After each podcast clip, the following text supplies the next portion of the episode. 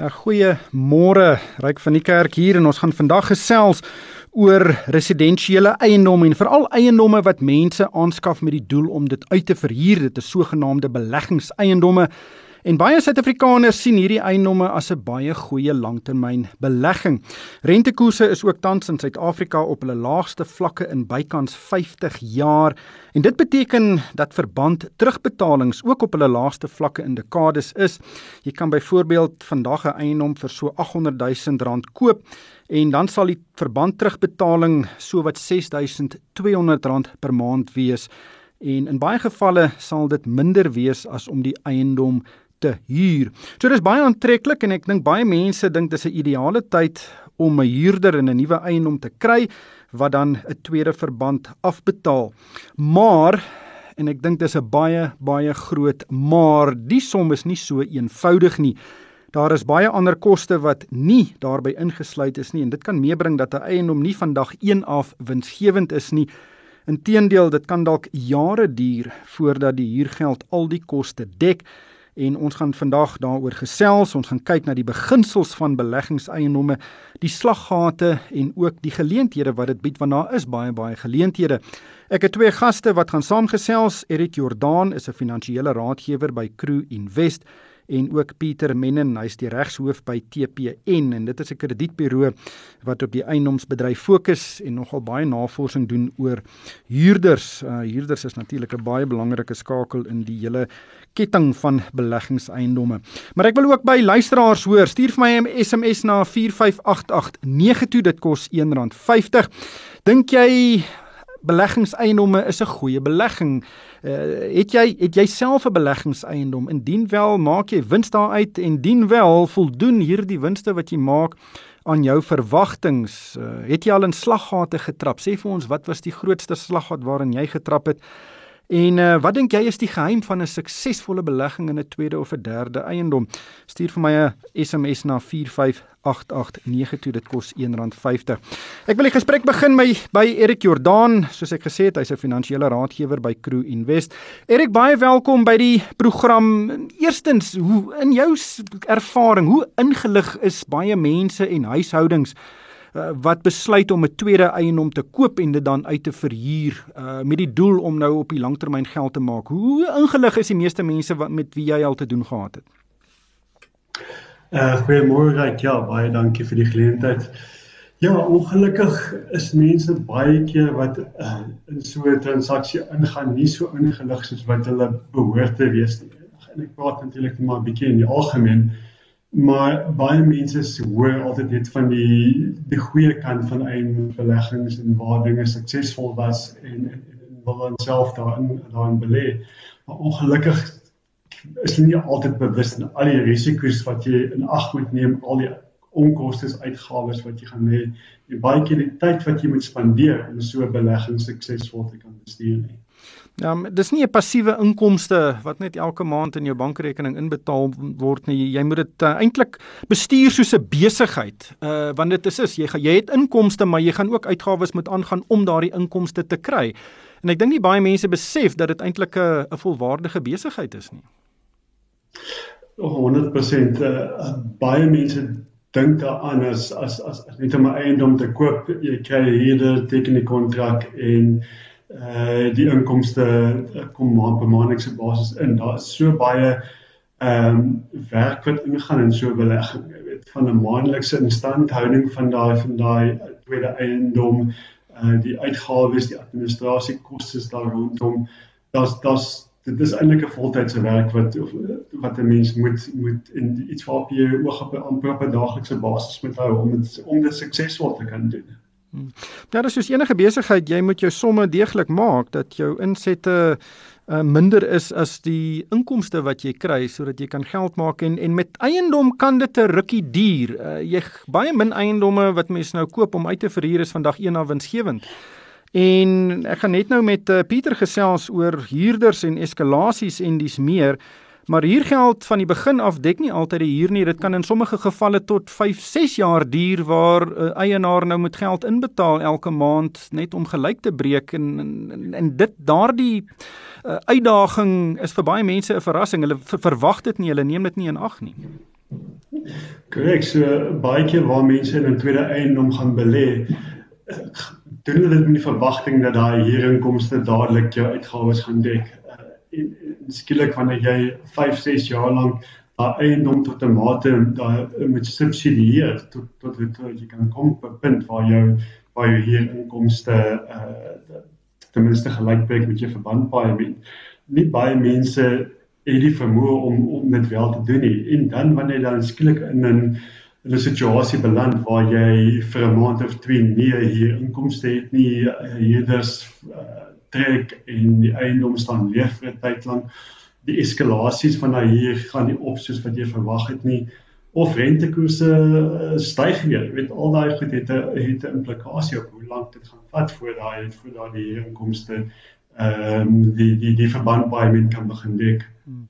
So kom ons gebruik 'n voorbeeld. Sê nou maar ek wil kyk na 'n uh, eiendom of ek wil 'n eiendom koop om uit te verhuur. Ek wil nou bietjie munt slaan uit die lae rentekoerse En uh, hoe hoe dink jy moet ek die somme maak? Wat is die belangrikste dinge wat ek in ag moet neem voordat ek nou 'n uh, eiendom koop? Ja, so so as mens eersins dan kyk om te sien wat is die verwagte opbrengs wat jy gaan kry van daai eiendom. So eerstens gaan jy moet kyk na wat is die kapitale uitleg wat jy gaan moet hê om daai eiendom aan te skaf. Ehm um, tweedens wat is die koste met ander woorde die verbandpaaiement wat jy gaan gaan gaan betaal oor oor die volgende 20 jaar wat ek al die verband gaan dan dan gaan gaan wees. So dit is aan die een kant. Aan die ander kant daarvan moet ons dan kyk so wat is die inkomste wat ek gaan genereer uit daai uit daai eiendom en wat is die kostes wat ek gaan moet aangaan om uh om daai eiendom in stand te hou. So daar moet mens kyk na dinge soos eiendombelastings ehm um, levies wat jy gaan moet betaal waar die eiendom geleë is, uh herstelkoste, instandhoudingskoste van daai eiendom, ehm um, en dan potensieel uh, belasting wat jy gaan betaal te inkomste wat jy genereer uit die eiendom. So al daai onkoste en uitgawes is dinge wat jy in ag moet doen om hier som te gaan maak om eintlik aan te bepaal om te sien wat is jou werklike opbrengs wat jy gaan hê uit daai eiendom en is daai opbrengs wat jy dan kry is dit uh geregverdig vir die risiko's wat jy gaan aanneem uh, om daai eiendom aan te skaf. En jy met al daardie uh, dinge in een pot gooi en dan moet jy 'n som gaan maak van wat is jou koopprys van die eiendom. Nou ek praat uit persoonlike ervaring ook. Uh, ek dink die grootste fout wat jy kan maak is om te duur te betaal vir die eiendom in die eerste plek. Uh, jy moet gaan uitwerk wat is jou uh, potensiële inkomste, al jou uitgawes en dan moet jy gaan kyk wat is die eiendom werd en ek dink baie mense doen nie daardie som nie en dan betaal hulle te veel vir die eiendom en dit is waar die moeilikheid begin.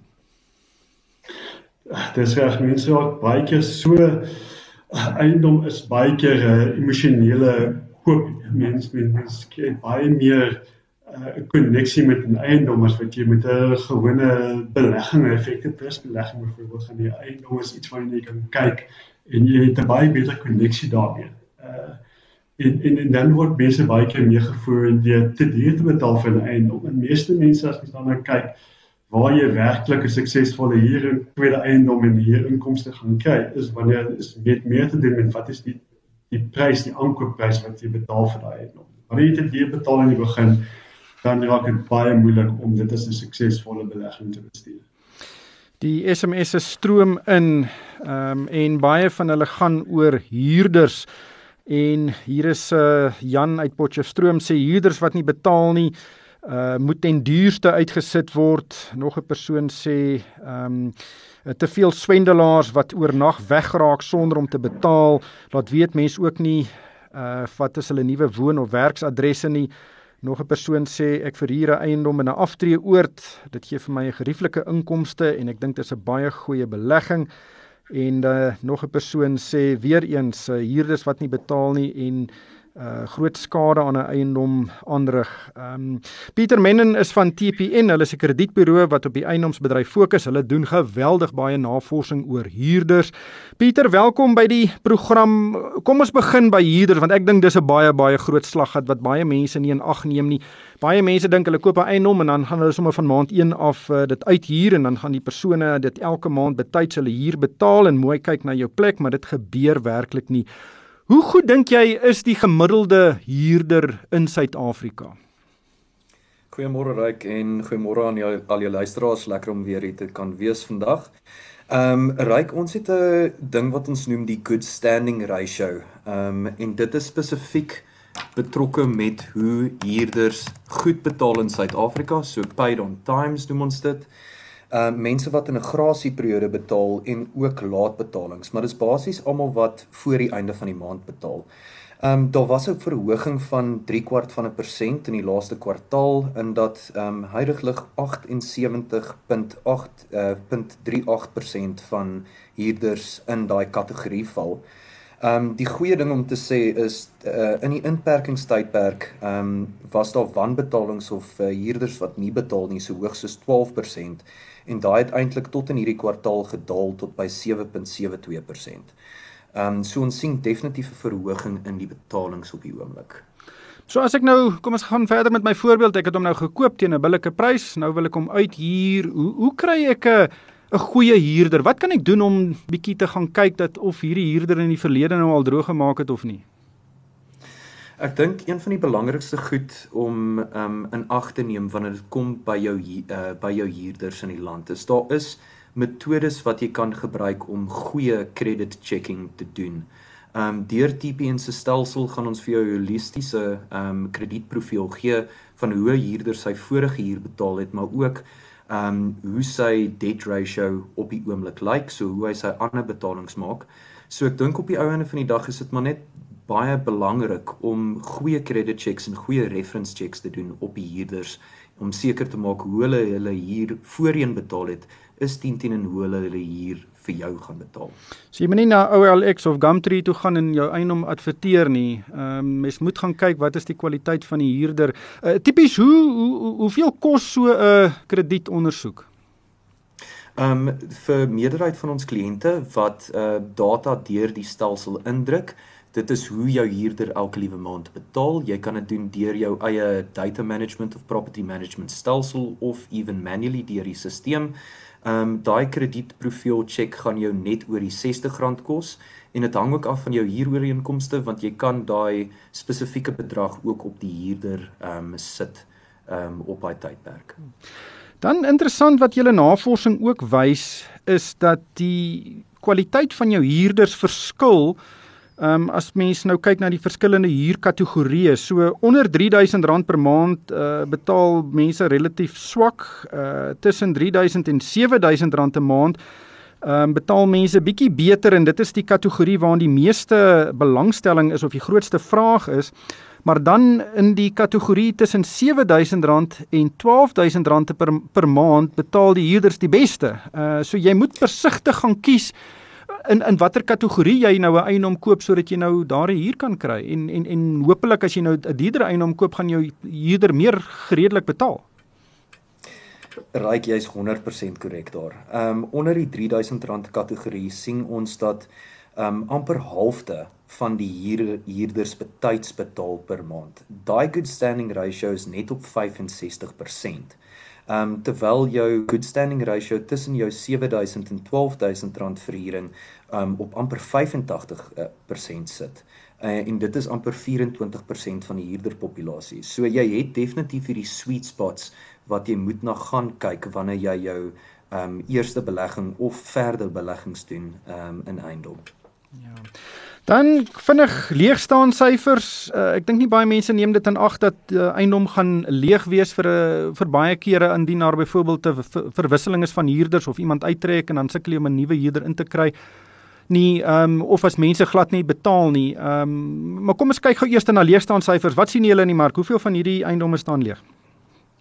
Raai ons het 'n klein gesprekkie voor die tyd gehad en soos wat jy gesê het, soos wat die rentekoerse afgegaan het, Ehm um, dit lyk amper vir my met die met die nuwe studies dat dit amper 1.4% meer bekostigbaar is as om te koop as te verhuur. So hierdie het definitief 'n ehm 'n 'n geval geraak van die vakante syfers ook waarin kwartaal 4 het ons 12.9% uh vakante syfers gehad en heidaglik sit ons met 'n 13.3%.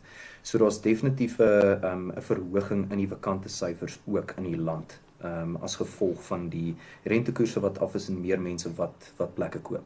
Ja, so dis mense wat in die in tradisioneel 'n uh, eiendom gehuur het en nou sien hulle hulle kan geld spaar deur 'n deur 'n eiendom te koop. Uh, ek uh, ja, ek kan verstaan dat dit 'n groot impak op die mark het. Het dit ook 'n impak op uh, die toenames of die eskalasie van huurgeld? Uh, definitief. ek ek hou nie daarvan om dit te sê nie, maar daar is 'n klein bietjie goeie nuus hier in dat daar geen verskil is in huurverhogings nie. Ons het 'n baie lae huurverhoging ehm um, nasionaal ehm um, heidaglik met 'n nasionale ehm um, verhoging van minus 0.75%. Ehm um, maar dit het nie verander tussen kwartaal 4 en kwartaal 1 nie. Ja, baie interessant en ek dink uh, dit is een van die belangrikste dinge wat jy kan doen is om goeie huurders te kry want as iemand uh, Pieter nie betaal nie, dan is dit 'n groot gesukkel om iemand uit 'n eiendom uit te kry en dit kan lank wees en dit kan duur wees. Uh, wat wat is wat sê julle navorsing oor daardie uh, proses? Ons het 'n klomp uh, prokureurs op ons paneel ehm um, wat spesialiseer in uitsettings. Ehm um, op die oomblik kan jy uitsettings doen. Ehm um, dit is net 'n langer tydperk wat jy na kyk vir die uitsetting. Ehm um, wat die prokureurs vir ons gesê het, is is amper tussen 3 en 6 maande in die uh, meerderheid van die tyd vir die uitsetting, maar dit hang ook maar regtig af van die regter en van wat by die hof daai dag gebeur. Ehm um, jy sit ook met relatiewe hoë kostes as gevolg van dit wat so lank kan vat. Ehm um, daar is maniere om huurders uit persele uit te kry wat wettig is, ehm um, deur prokureurs, maar soos wat jy regtelik sê, dit dit is 'n bietjie van 'n proses op die oomblik, ja. Ja, jy mag nie water en ligte afsit of meubels op die straat uitdra of die voordeur afskroef nie. Jy moet deur 'n regsproses gaan. Is daar 'n syfer is wat kos dit tipies om iemand uit 'n huis uit te kry? Ehm um, jy gaan definitief met die individuele prokureurs daar gaan moet praat. Ehm uh, maar as ons verwys na 'n prokureur toe, Ehm um, sal die kostes dit, dit dit hang af hoe lank die proses is. Dit kan 'n baie kort proses wees in dat die prokureur net instaan om kommunikasie deur te stuur na die huurder toe of net die uh, die ehm um, applikasieproses begin en dit kan om en by tussen 10 en 20000 rand wees, maar as dit 'n bestryde ehm um, uitsetting is, kan dit lank vat en dit kan ook baie duurder as dit raak. So dit hang maar regtig af van die proses raak. Ja, Marie sê per SMS uh, gebruik 'n goeie agent en keer jou huurders goed. Dit werk baie goed vir ons. Uh, nog 'n persoon sê ehm um, hulle het eh, 'n uh, plaas verkoop en 'n hele aantal uh, meentuise gekoop. 10 van hulle hulle skuld niks daarop nie en hulle kry gerieflike inkomste. En dan uh, sê nog 'n persoon, daar's geweldig baie administrasie betrokke, uh, maar ons is bevoordeel met goeie huurders. Hierdie hele storie werk vir ons. Uh nog 'n persoon sê, ehm um, ek is die eienaar van 'n paar eiendomme wat ten volle betaal is en daar's geen twyfel dat die opbrengste baie beter is as ander beleggings uh, nie met 'n uh, heelwat minder risiko. Dit is George wat so sê. Ehm um, Erik, dis baie duidelik dat uh daar verskillende ervarings is. Baie mense is baie gelukkig, ander mense het nou al 'n paar keer hulle koppe gestamp. Maar hier's een tema wat uit die SMS'e vir my duidelik is en dit is dat baie mense wat sê dit werk, skuld nie meer enige op enigiets op 'n verband nie of die verband is baie klein en dit in 'n groot mate weet ver, verlaag die risiko. Hoe moet 'n mens kyk na jou deposito byvoorbeeld wat jy gaan neersit op 'n nuwe eiendom? Is daar 'n som wat dalk jy kan maak om die die risiko te verlaag? Ehm um, ja, ek wanneer mens gaan kyk na nou wat is die opbrengs wat jy werklik gaan kyk en en, en die groei deposito is daar's daar's definitief sommige wat mens kan gaan doen om te sê in terme van dit te vergelyk met 'n met 'n normale belegging wat jy gaan wat jy gaan doen waar jy ja deposito byvoorbeeld kan gaan belê kyk wat jy verwag te langtermyn opbrengs op 'n op 'n gewone effekte belegging kan wees en dan dan 'n vergelyking te gaan trek met met wat jy gaan gaan genereer uit daai eiendom uit die verwagte huurinkomste wat jy kan kry op daai eiendom en die kapitaalgroei wat jy op die waarde van die eiendom gaan kry. So daar is maniere om om daai daai vergelykings te gaan tref, maar dit hang ook grootendeels af van van van die individu en die behoeftes. Met ander woorde watter fase van sy lewe hy is. So, so is hy nog in 'n fase voor aftrede waar jy besig is om om om bates op te bou of is jy in 'n stadium waar jy afhanklik is van van van inkomste te trek vanaf jou vanaf jou beleggings en bates en en, en dit is ook 'n groot impak op die risiko wat jy kan kan kan aanneem in in, in so 'n belegging. Ja, ek ek ek dink ook baie mense in in hierdie paar SMS'e wat dit ook ehm um, onderstreep is dat baie mense gebruik 'n groot deel van hulle totale welvaart of kapitaal om eiendom te koop en dit kan 'n scenario raak dat jy te veel van jou eiers in een mandjie sit. Uh, hoe hoe moet residensiële eiendom inpas in 'n hele beleggingsportefeulje of 'n aftree tipe van uh spaarplan? Ja, dit is baie interessant daarom te kyk na wat is die werklike risiko wat jy dan gaan neem met so 'n met so 'n belegging in in, in 'n tweede eiendom byvoorbeeld.